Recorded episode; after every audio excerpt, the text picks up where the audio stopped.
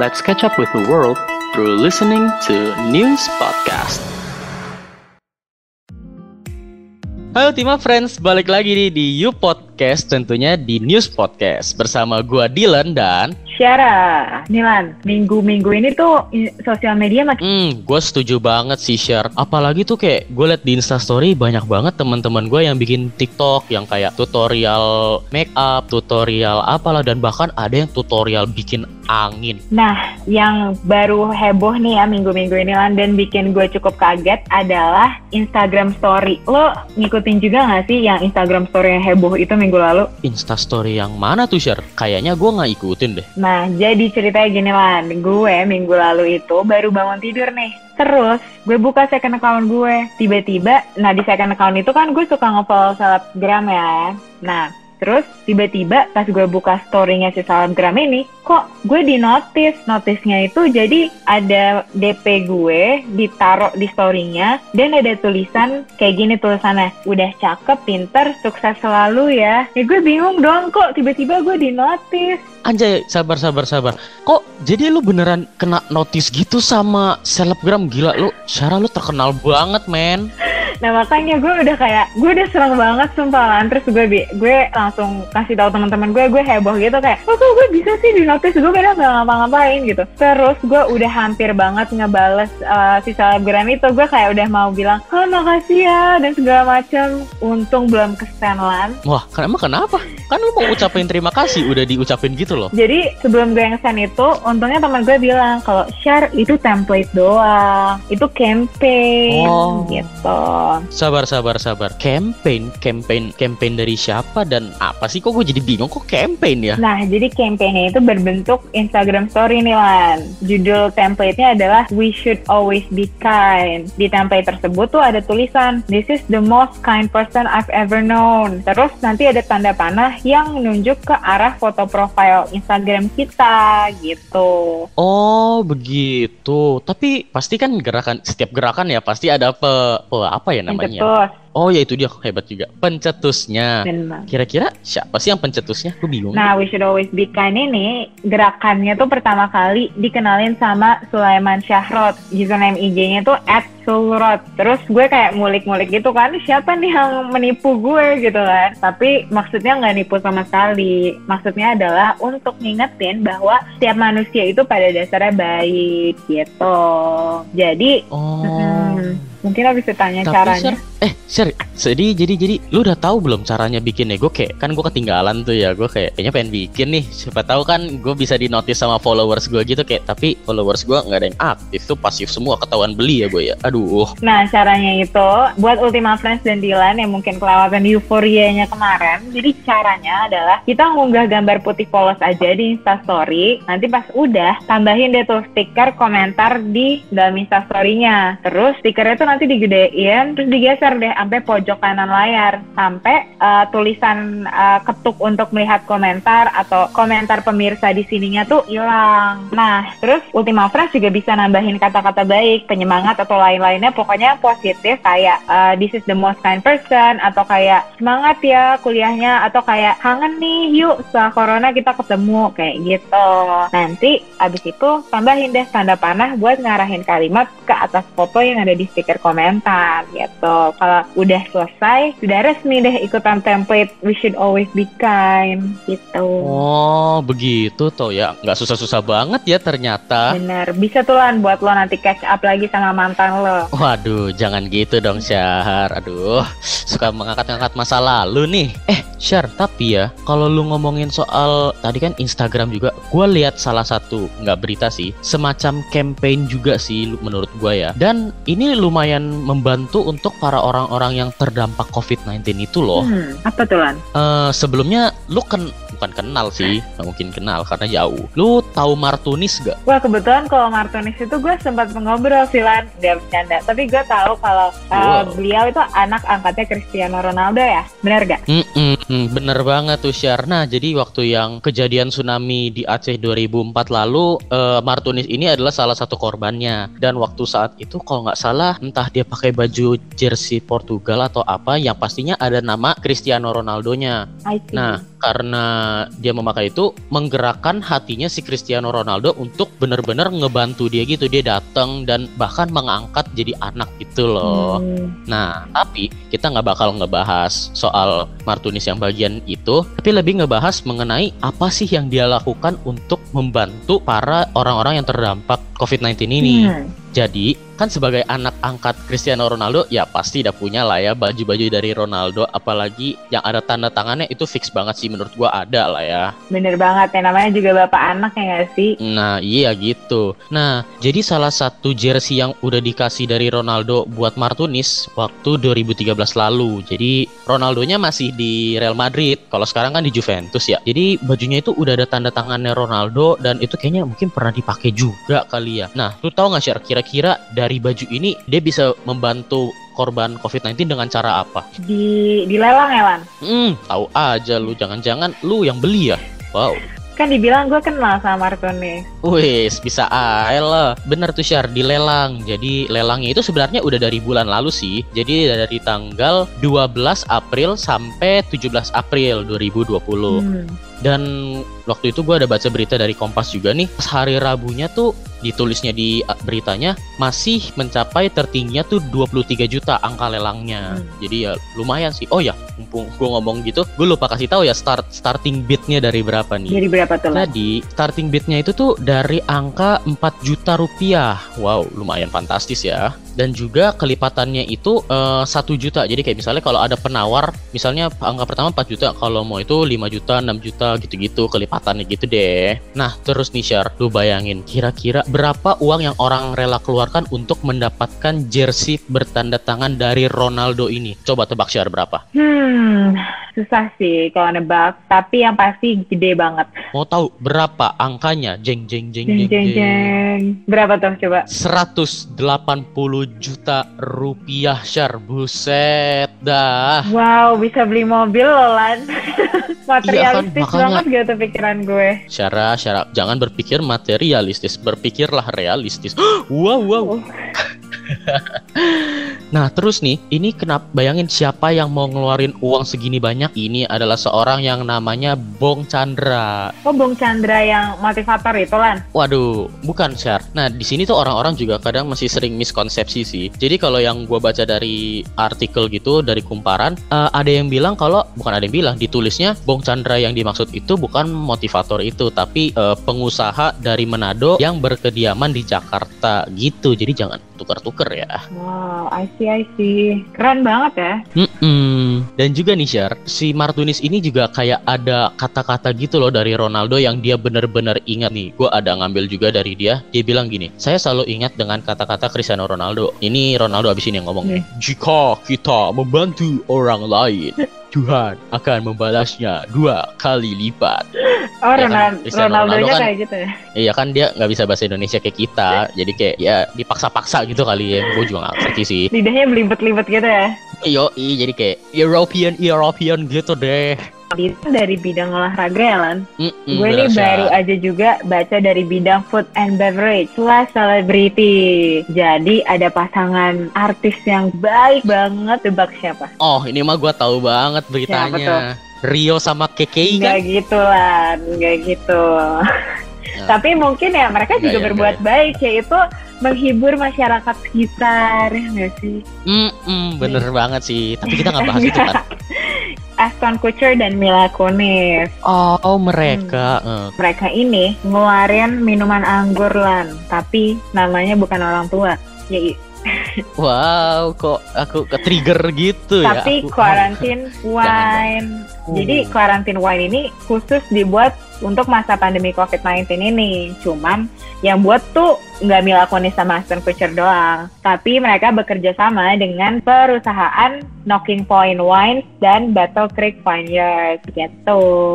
Uh, kira-kira kenapa ya mereka bisa kayak kepikiran ah gue mau bikin wine ah buat karantin ini dan hubungannya sama nah idenya sendiri ini muncul muncul dari Mila Kunis sama uh, karantina ini dia sama Ashton itu suka bertemu sama teman-temannya, terus makan bareng teman-temannya atau minum santai bareng-bareng temennya itu lewat Zoom kan. Terus dia kayak mikir gitu, gimana ya? Kita tuh suka banget sama yang namanya minum dan kayak minum itu adalah sesuatu yang bisa menyatukan kita semua. Kayak kita semua suka minum gitu. Nah, gimana caranya Mila ini ngelakuin sesuatu yang dia suka, tapi di satu sisi yang sama dia bisa memberikan dampak yang baik kepada masyarakat. Nah, lahirlah quarantine wine ini gitu.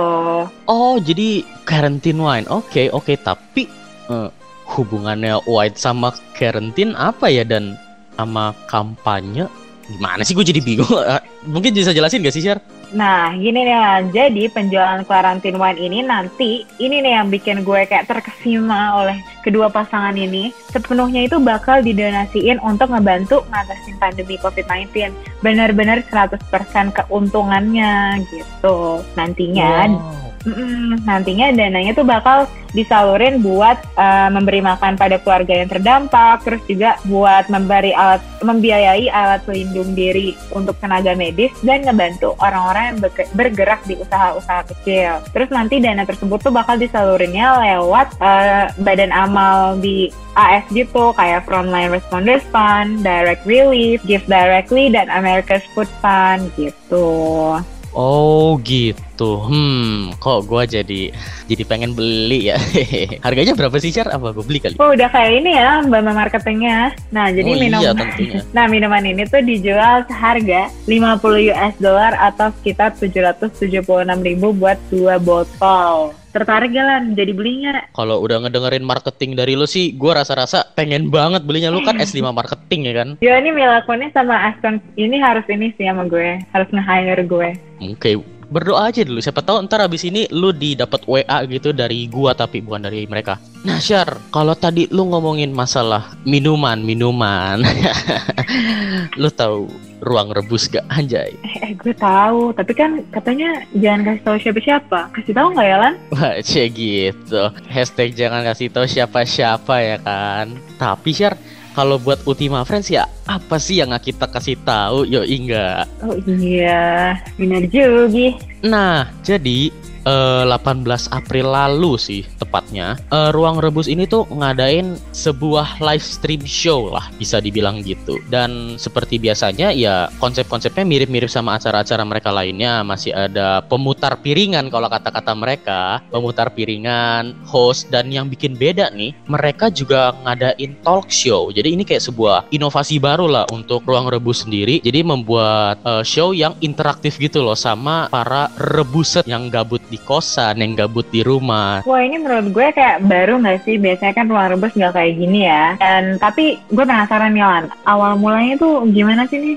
adanya live stream show ini? Kalau untuk awal-awalnya sih, oh ya share sebelum kita masuk ke makin dalam lagi, gue mau kasih tau kalau hasil hasil data-data yang gue dapat ini tuh dari wawancara gue dengan Narendra Hutomo selaku Head of Business Development and Marketing dari Ruang Rebus sendiri gitu share. Nah, mantap jadi kata Naren gini awal-awalnya tuh mereka sebenarnya nggak tertarik gitu loh ngadain live stream show gini. Sebenarnya mereka lebih nggak mau juga disebutnya sebagai party virtual. Karena party virtual itu tuh yang kayak kalau lu lihat di lihat in internet gitu-gitu ya yang kayak di Itali yang di mana mereka di apartemen terus mereka kayak pakai webcam mereka seneng-seneng bareng-bareng karena ada social distancing mereka nggak mau kayak gitu. Dan kalau misalnya untuk di Indonesia sendiri kan emang nggak ada ya. Dan Naren dan teman-temannya mikirnya kayak ah kayaknya kita nggak usah kayak gitu dah biarin kita kan nggak punya alat yang memadai gitu man yang mantep-mantep. Jadi kayak yaudahlah biar orang-orang yang kaya dan punya equipment yang lebih mantep dari kita aja yang kalau mau bikin party virtual gitu kita kayaknya ya enggak dah gitu. Terus kenapa si Naren dan teman-temannya bisa berpikiran untuk membuat suatu live stream show ini? Karena salah satu kerabat mereka dan juga sering jadi pemutar piringan mereka namanya Goi. Nah, Goi ini tuh tiba-tiba kayak datang dan bilang kayak eh lu pada nggak mau bikin party virtual gitu? Nah kalau mengingat konsep dan prinsip mereka tadi kan kayaknya mereka bilang mereka bilang gini uh, we'll think about it later. Kayaknya kita pikirin aja nanti. Tapi so, ada sesuatu yang membuat Naren dan teman-temannya berpikir beda gitu. Kayak pas Goi bilang, "Eh, kalau misalnya kita collab nih sama Kiostix, kita bisa ngebantu juga loh buat COVID-19 ini. Apa kayak ya semacam usaha kecil-kecil untuk membantu COVID-19 agar ya membantu sesama gitu. Dan Naren teman dan teman-temannya langsung kayak hmm oke. Okay. secara esensi awal terbentuknya ruang rebus itu karena bukan funnya gitu loh yang disorot yang fun-fun gitulah. Pokoknya bukan itu karena mereka tuh pengen membuat Gading Serpong to become a better and menjadi tempat yang lebih menyenangkan lah gitu Syar baik jadi kayak ya walaupun tadi awal yang nggak mau terus kan tiba-tiba dapat apa ya uh, kesempatan untuk uh, melakukan hal tersebut ya kenapa apa enggak ya nggak sih? Iya Syar, apalagi kan yang ini sebenarnya mirip-mirip sama yang Mila Kunis nggak sih? Benar, jadi kayak mereka melakukan uh, sesuatu yang mereka gemari dan juga di saat yang sama membantu yang lain ya nggak sih? Nah tapi Lan, kan dari tadi kita ngomongin uh, tentang acaranya nih, donasinya nih kira-kira di mana Lan? Eh, oh iya, gue belum sampein ya. nih nih nih gini gini. Jadi donasinya itu sebenarnya berasal dari tiket masuk yang dibeli oleh para rebuset sendiri. Jadi kan HT HTM-nya itu 40 ribu ya. Mm-hmm. Dan kalau kata ruang rebusnya sendiri ada di Instagramnya ditulis bahwa 50% dari HTM ini bakal didonasikan untuk COVID-19, guaranteed di di di apa ya di asu? Guaranteed apa ya? Dijamin. Nah dijamin. itu dia. Benar susah banget. Dijamin. Dan berarti anggapannya kan kayak ya kalau kita beli 40 ribu 20 ribu kita udah nyumbang lah buat covid apa orang-orang terdampak covid 19 gitu ruang rebus ini udah bakal janji ke rebuset-rebuset dan mungkin siapa pun deh yang mau ikutan donasi bahwa mereka itu bakal terbuka dan transparan mengenai donasi yang akan diberikan gitu loh. Jadi kayak enggak kok kita nggak bakal nutup-nutupin dan nggak mungkin ada yang masuk kantong gitu loh maksudnya. Nah, Sher, bayangin aja nih, saking mereka terbukanya nih masalah keuangannya, pas di wawancara gue jadi nggak enak nih. Gue dikasih tahu mereka dapat berapa malam itu buset dah. Nih wow. jujur aja tapi makasih ya Naren. Kepo nggak lu share kalau lu kayak jadi youtuber kepo ya. Kepo dong. Gue malah gue nah. gue malah nggak enak juga loh mau nanya tapi boleh lah kalau lo mau spill. Iya dong kan kita kan mesti kasih tahu juga kan karena mereka transparan kita juga harus transparan dong. Masa kita nutup nutupin juga? Masa nggak boleh gitu dong? Nah jadi yang mereka dapetin malam itu tuh kurang lebih katanya 1,6 juta. Jadi kalau misalnya 50 persennya berarti 800 ribu dong yang bakal didonasiin ya nggak mm -hmm. nah tapi Naren dan teman-temannya merasa kayak ah we can donate more we can do better than this gitu loh. Jadi kayak kenapa kita nggak genepin aja jadi satu juta dan kita donasin satu juta? Dan benar mereka akhirnya donasin satu juta. Hmm. dan kalau misal berarti kan ada sisa enam ratus ribu ya Syar ya? Iya. Nah enam ratus ribu itu tuh sebenarnya ya nggak bisa dibilang ambil untung. Mereka jujur ya wawancara Narene sendiri bilang mereka nggak ambil untung sama sekali. enam ratus ribu itu ya sebenarnya untuk balik modal aja karena kan sebagai ya provider untuk rebuset-rebuset mereka kan harus mengeluarkan biaya juga kayak equipment Benar. terus juga kan ngebayar pemutar piringan host dan juga orang-orang yang ngomong di talk show kan itu kan juga membutuhkan biaya ya kan benar nah Milan kalau yang gue dengar tadi hasilnya, gue bisa asumsikan kalau rebus-rebusut ini kan uh, memiliki antusiasme yang tinggi ya. Ada nggak sih yang berdonasi secara pribadi gitu ke ruang Wah, rebus? kalau kayak gitu sih, gue kayaknya nggak mau ngebahas langsung jawab gitu, karena gue takut kayak malah belok-belok gitu. Jadi kayak gimana kalau lu langsung dengar aja nih cuplikan wawancara gue sama Naren sendiri dan lu langsung aja dengar abis ini check it out. Kami nggak mau GR sih bilang antusiasnya tinggi, tapi kami bisa bilang itu antusias antusiasnya cukup realistis lah uh, untuk takarannya seperti itu. I mean 40 ribu aja tuh itu udah bisa atau bahkan 50 ribu deh kalau mau digenapin itu udah bisa ngecover uang kehidupan satu hari gitu loh buat seseorang makanya maksud maksud gue sampai mereka mau kayak gitu I mean ya kita realistis aja dan buat mereka yang melakukan kami berterima kasih banget kayak gitu. Nah, memberi donasi lebih ada ada yang langsung jadi transfer ke ruang rebus kayak 100 ribu gitu atau kayak du langsung 200 ribu seperti itu bahkan kami nggak minta tapi kami dapat aja gitu dan of course itu kami tambahin juga Nah, jadi gitu Syar dan juga uh, abis Naren ngomong gitu, dia juga bilang kalau kenapa ini bisa terjadi karena adanya power of community. Jadi apa sih power of community itu? Singkatnya gini, kalau kita merasa udah jadi satu kesatuan walaupun kita saling kenal ataupun enggak, seenggaknya tuh kita bisa percaya pada satu belief atau value. Nah, karena kita percaya pada satu belief atau value yang sama ini, kita bisa menghasilkan sesuatu yang extraordinary gitu Syar kalau kata Naren. Mantep banget lah, gokil. Iya, Semoga ruang rebus makin sukses ya nggak sih Lan? Yuk. Dan mungkin juga buat Ultima Friends yang penasaran apa sih ini dari tadi kayak jangan tahu siapa-siapa, bisa banget cari tahu lewat Instagramnya at ruang rebus. Dan juga nih ada penutup dari Naren waktu gua wawancara, ini sabi banget sih menurut gua. Mereka dia bilang kayak, udahlah, lu nggak usah jauh-jauh ke Pik atau Jakarta, mulai aja dulu di Gading Serpong karena lo bisa dapetin apa yang lo nggak dapetin di mana pun. Jadi kayak kalau bisa untuk donasi kayak ya lu mulai aja donasi kecil-kecilan mulai dari sekitaran lingkungan lu dulu gitu loh jadi kayak usaha kecil kan ya bukan berarti nggak berguna gitu ya nggak sih Sir? Bener kayak yang penting uh, bukan masalah kayak jumlahnya tapi yang penting niat gak sih? Mm -mm, setuju banget. Eh share share share kayaknya podcastnya hmm. uh, udahan dulu nggak sih? Gue tuh dari tadi kepikiran mulu anggurnya Mila Kunis kayak gue pengen beli dah abis ini dah. Oh nanti ini juga ya kirim ke gue soalnya uang gue lagi di lockdown nih. Waduh itu siap banget jangan lupa kirimin alamat aja nih yo ingat. Nah segitu dulu podcastnya Ultima Friends. Pada sedih sih soalnya beda dari minggu-minggu sebelumnya. Minggu ini uh, jadi apa? Minggu terakhir kita sebelum kita uas dan tapi jangan sedih, jangan khawatir karena keluar liburan pastinya Women Radio bakal ngeluarin konten-konten yang seru lagi. Dan pastinya Ultima Friends tetap terus stay tune ya di Women Radio. Bener banget. Syarol Staviani pamit undur suara. Dan Dylan undur suara Women Radio. Inspiring change for tomorrow. Bye Ultima Friends. Bye.